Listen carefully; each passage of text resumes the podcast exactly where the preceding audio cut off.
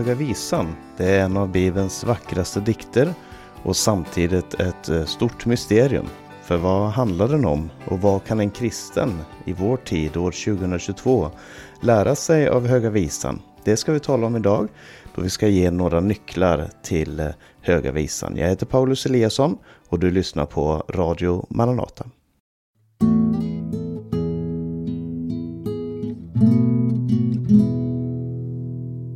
Ja, Höga Visan det är eh, den 22 boken i vår bibel. Den har åtta kapitel. Kallas också för eh, Sångernas sång i vissa eh, översättningar och språk. Eller Salomos sång. Eller som vi säger i Norge, Salomos höjsang. Alltså Salomos höga sång. I eh, den hebreiska bibeln så tillhör Höga Visan den sista delen av den tredje delen av Tanach Eh, i den som kallas, delen som kallas för Ketuvim, alltså skrifterna. Och den här boken det är berättelsen om en kvinna och en man som älskar varandra och som interagerar och samtalar med varandra. Ehm, om vi ska ge lite information först innan vi går in på texten och vad den här boken handlar om så kan jag säga att ehm, eh, första versen eh, i Höga Visan antyder om inte annat att det är Salomo som har skrivit den här, eh, den här boken. Det står den höga visan eller den sångernas sång. Den som är Salomos. Eh, sångernas sång av Salomo. Eh, det här är ju omdiskuterat som så mycket annat i Bibeln när det gäller författarskap. Eh, och det är heller inte 100% säkert att därför att det står, eh, Salomo står namngiven här att det är han som är författaren. Det kan också vara den som författaren tillägnar boken. Men om det är så som det klassiskt har ansetts att det är Salomo som har skrivit den här boken. Då är den skriven på runt 900-talet före Kristus. För det var då Salomo levde. Men eh, det har angetts eh, tidpunkter, allt mellan 900-talet och 300-talet före Kristus har angetts som eh, tidpunkt för skrivandet av eh, Salmos höga visa. Det är inte det som är det allra viktigaste. Det hänger inte på vem som är eh, författaren. Men eh, det kan ge ett visst ljus till eh, att, hur man ska förstå den här texten. Eh, mottagare för den här mm, boken, ja det, det är inte som eh, Nya Testamentets skrifter att eh, Ofta står en mottagare, det här är skrivet till den och den. Men de enda som omtalas i tredje person, alltså som eh, det, det, här, den här boken är då eh, brud, framförallt bruden och brudgummen eller mannen och, och, och kvinnan som talar med varandra. Eh, men de talar också till de som kallas för Jerusalems döttrar. Alltså då kvinnor i Jerusalem. I den här sången så är väl det kanske kören då. Som, som eh, de talar till människor som står runt omkring och ser på. Man skulle kunna säga att det, mottagaren för det här, den här boken är Jerusalems döttrar. För det är en undervisning om kärleken. Eh, en undervisning om vad kärleken är och hur den tar sig uttryck. Och hur man eh, arbetar med kärleken. Eh, genren och sättet som det här sången är skriven i, det anges ju naturligtvis i titeln Höga Visan. Det är en visa, eh, eller en sång, eller poesi. Så den är skriven som, eh, som en sång. Men eh, även om vi inte riktigt kan se det i, vår, i våra översättningar till svenska eh, eller andra språk så, så finns det en, en harmoni och, en, och ett versmått i den här på hebreiska som, som antyder att det här är poesi och sång. Eh, men det ska också sägas att när man pratar om genre så måste man också nämna att det finns den här boken till viss del hör till visdomsgenren om än på ett annat sätt än Ordspråksboken, Predikaren och Jobs bok som också eh, innehåller den här visdomsundervisningen. Eh, men, men det finns en visdom här även om den är på ett lite, an, lite annan nivå och det ska vi komma tillbaka till. Eh, den historiska kontexten är ju svår att säga någonting om men man kan ju säga att om, om det är Salomo som har skrivit det här så, så, handlar den, så är den här skriven antagligen innan han, eh, han har eh, fått sig alla de fruar och bihustrur som, som han senare fick i livet. Eh, det finns olika sätt att läsa den här på. Man försöker placera in klassiskt sett så har man sett Ordspråksboken, Predikaren och Höga Visan som skrivna av Salomo. Eh, och då har man försökt placera in de här i olika epoker i hans liv utifrån hur han levde och, och så. Det är väldigt, väldigt svårt att göra. Man kan eh, skapa hypoteser, men det är väldigt svårt att säga någonting säkert om det. Eh, men tematiken i den här boken, det är helt klart längtan och lusten hos eh, den, den, här mannen och kvinnan. Eh, boken börjar med att säga kyss mig med kyssar av din mun. Det, det är helt klart en, en längtan efter intimitet, närhet och kontakt som eh, tar sig uttryck här. Den handlar också väldigt mycket om skilsmässa och återförening. Alltså inte skilsmässa att de skiljer sig eh, från sitt äktenskap utan att de, de skiljs åt och sen förenas de igen. Och det stora temat naturligtvis det är kärleken och hur den tar sig uttryck mellan två människor som älskar varandra. Eh, nu ska vi gå in på och säga någonting mer om den här texten.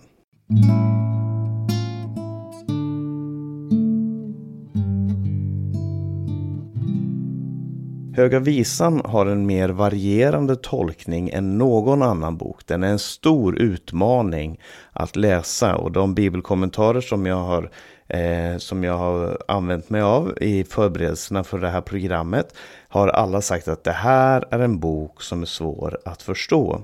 Eh, inte ytligt, men, men när man ska analysera den så är det svårt att förstå.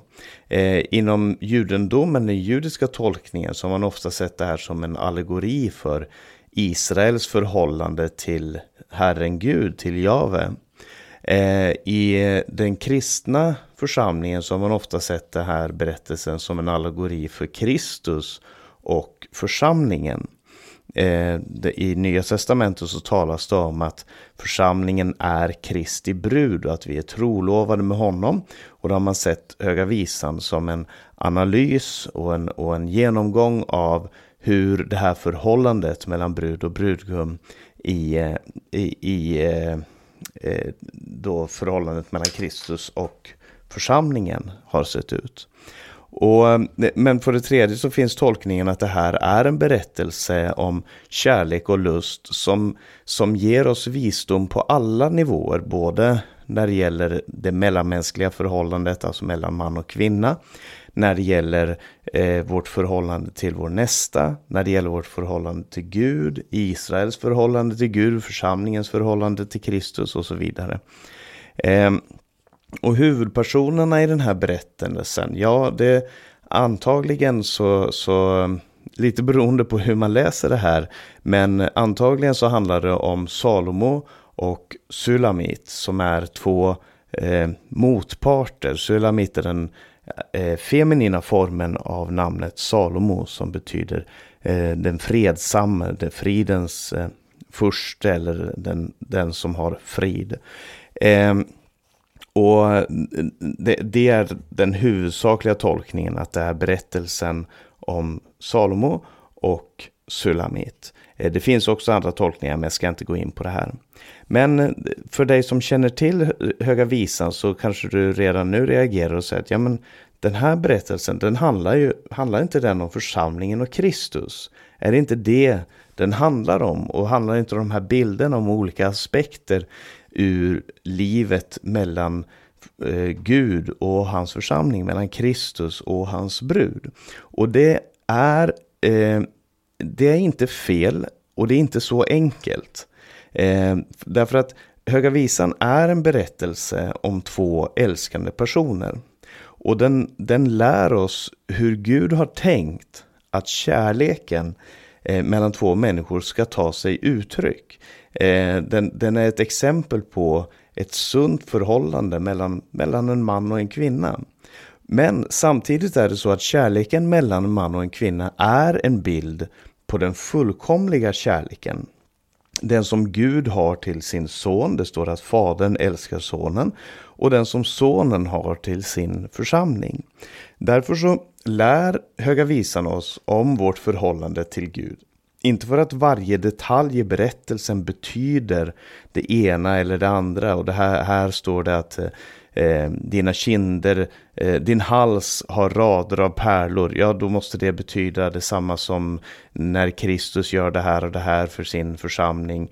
Eh, när du, du är som en sto i fara och spann. Ja, stoet är en bild på det starka i, eller för problemet med det Problemet när man allegoriserar hela den här berättelsen, och jag säger inte att det nödvändigtvis är fel, problemet är det öppnar för så otroligt många tolkningar som verkar helt logiska, helt rätta och helt sanna när man lägger fram dem ända tills nästa person kommer och lägger fram en helt annan teori, en helt annan berättelse som också verkar helt logiskt och sammanhängande.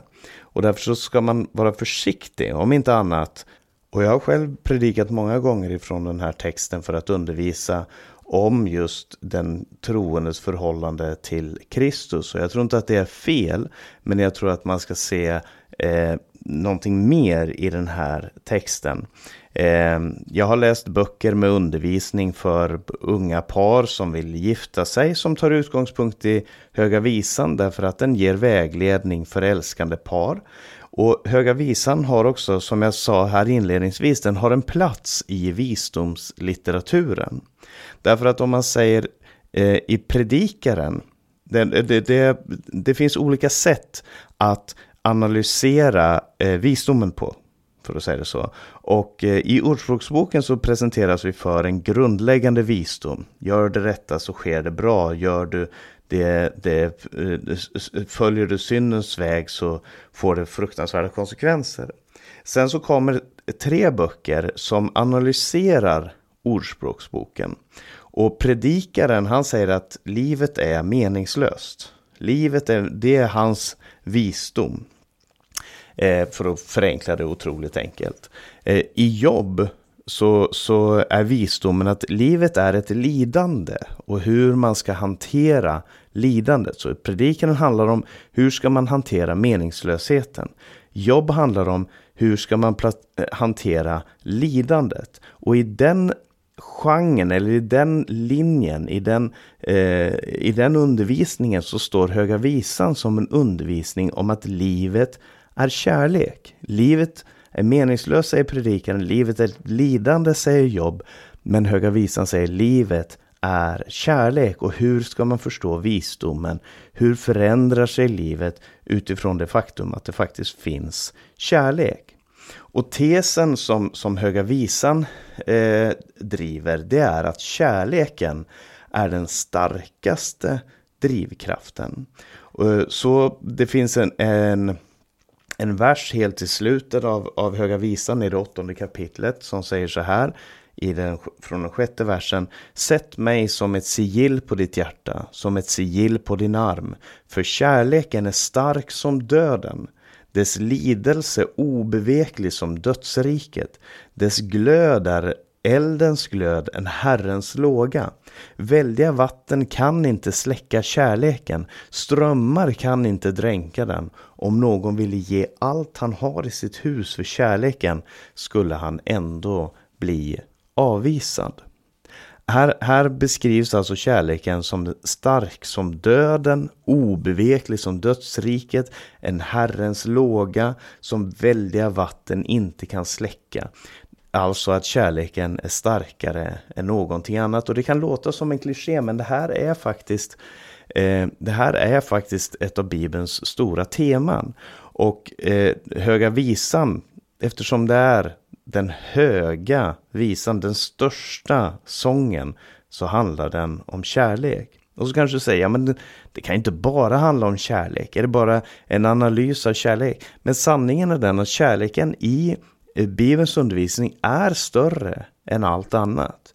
Gud är kärlek, står det i första Johannes brev. Kärlek är alltså Guds motivation i varje situation. Och Gud uppmanar oss som människor att älska Gud, älska vår nästa. Och eh, män, att män ska älska sina hustrur, att hustrur ska älska sina män. Och Kristus själv är Guds största uttryck för kärlek. Alltså i Jesus Kristus så uttrycker Gud sin stora kärlek. Vi känner kärleken därför att han har offrat sitt liv för oss. Och Gud har gett människorna äktenskapet.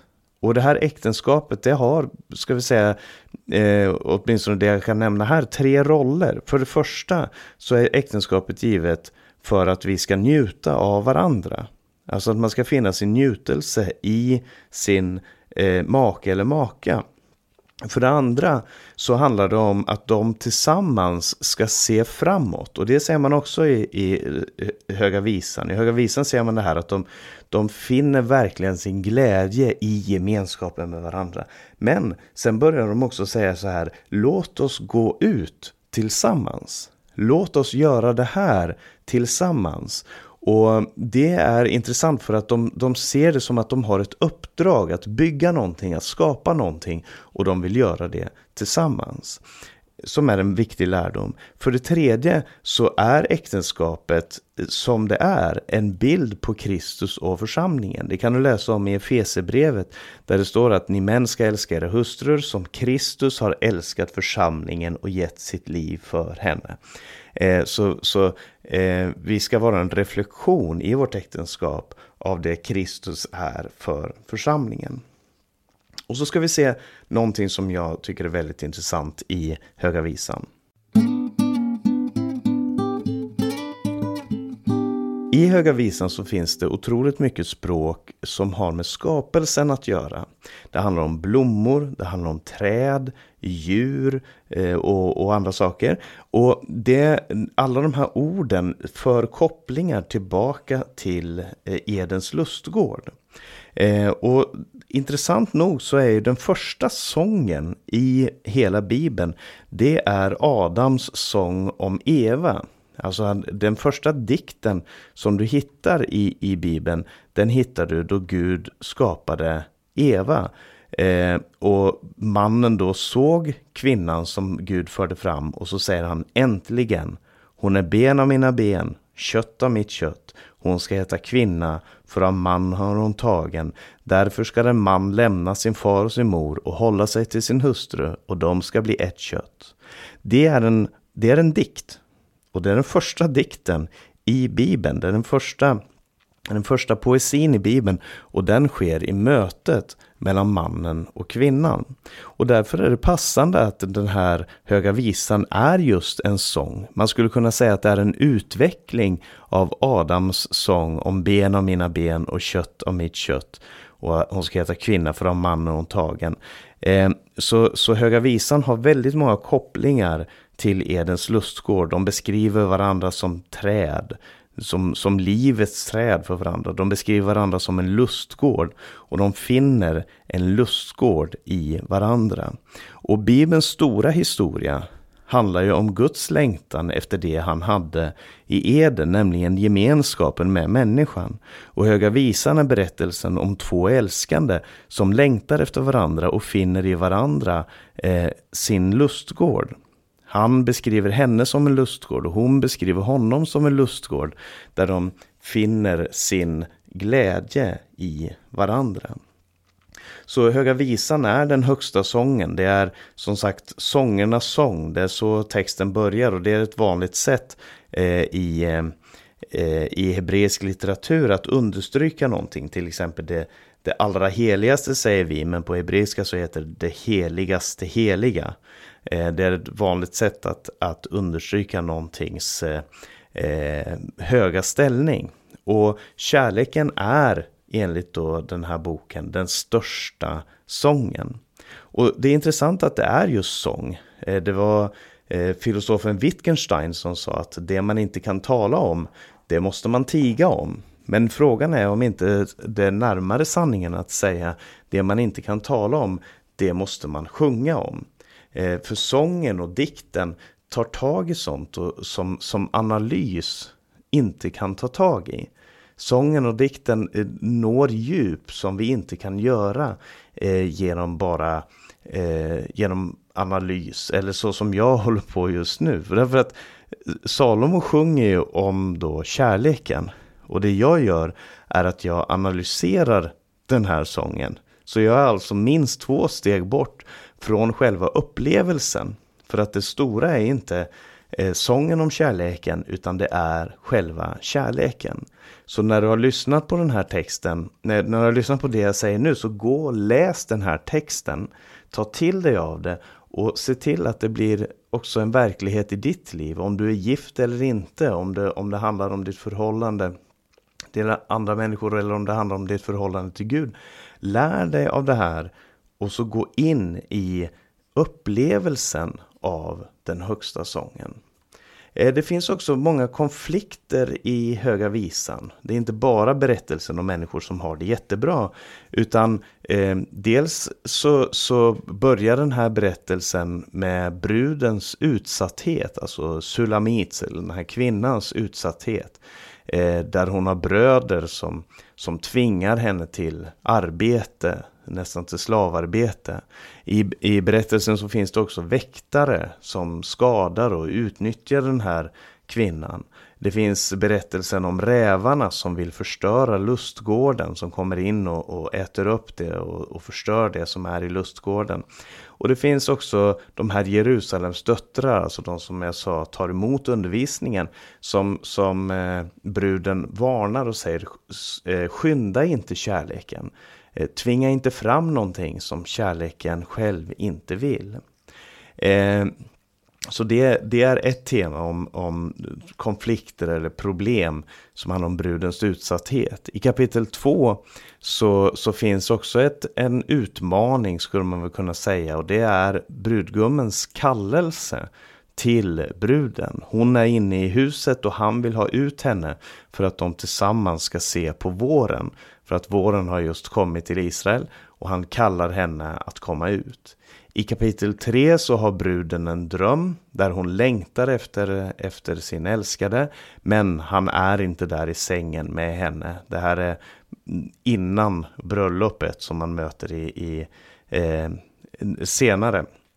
Eh, och eh, därför så, så har hon den här lusten och längtan efter att få möta honom. Men han är inte där. Det är också en konflikt eller problem i Höga Visan. I kapitel 5 så är de gifta. Eh, men de har kommit i en situation där han har hamnat utanför.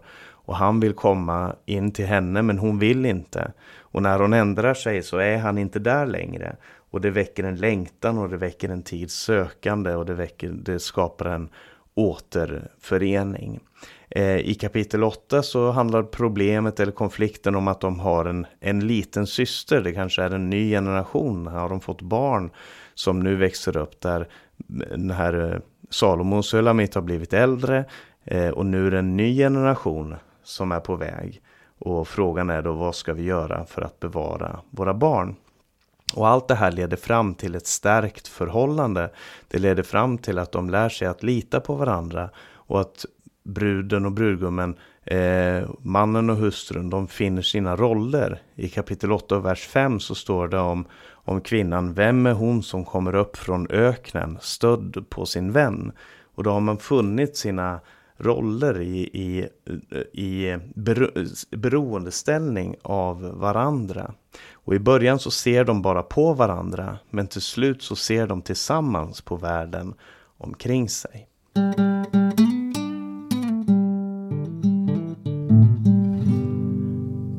Vad lär Höga Visan oss då? Ska vi säga någonting om det till sist? Ja, för det första så kan man ju säga att när folk säger att Bibeln har en negativ syn på sexualitet och intimitet så kan man hänvisa hit.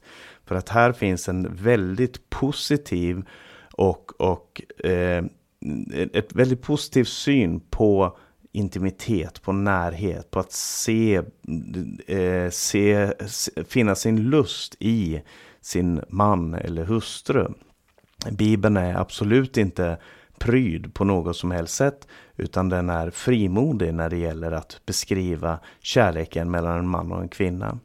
För det andra så lär den oss något om det naturliga förhållandet mellan en man och kvinna. De växer tillsammans och de ser ut i världen. Och det kan vara undervisande för oss som lever i en tid då eh, normer bryts ner, då, då äktenskapet ska brytas upp, då människor eh, protesterar mot det som är naturligt, det som är eh, gudagivet i kärleken och i förhållandet mellan en man och en kvinna.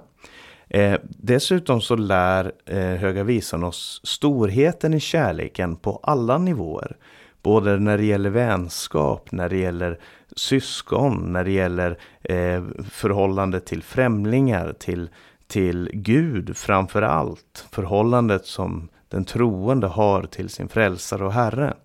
Och därför att den lär oss om kärleken så lär den oss också om Gud och hur Gud uttrycker sin kärlek i Jesus Kristus. Så den här Höga Visan är ett, forsk ett forskningsprojekt i kärlek.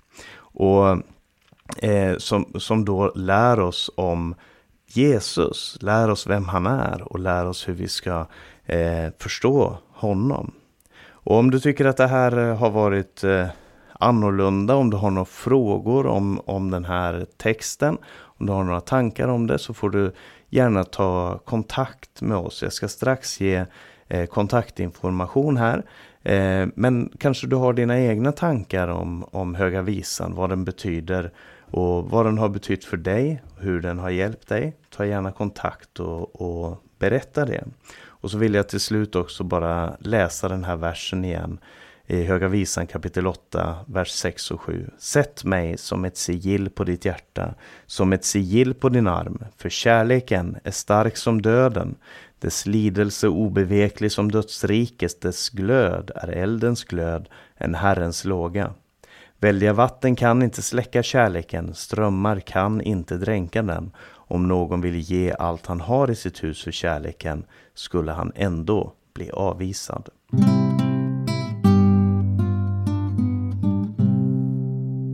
Vi ska alldeles strax lyssna på sången Kärleken av Kristina Imsen ifrån albumet Min sång. Jag tyckte att den passade väldigt bra. Den hämtar inspiration bland annat ifrån eh, Höga Visan. Men först ska jag ge lite information. För du har lyssnat till ett program ifrån Radio Maranata med mig Paulus Eliasson. Och den här podcasten den har också sänds över, som radioprogram över Stockholms närradio 88 MHz och Örebro radio Örebro närradio 95,3 MHz. Sprid gärna de här programmen till andra också. Om du har några frågor eller kommentarer så skicka gärna en e-post till info.maranata.se eller ring 070-201 60 20. På hemsidan maranata.se kan du höra programmen, läsa minnesropet, se Radio Maranatas övriga sändningstider. Sprid Guds välsignelse till alla du möter och så hörs vi igen om en vecka.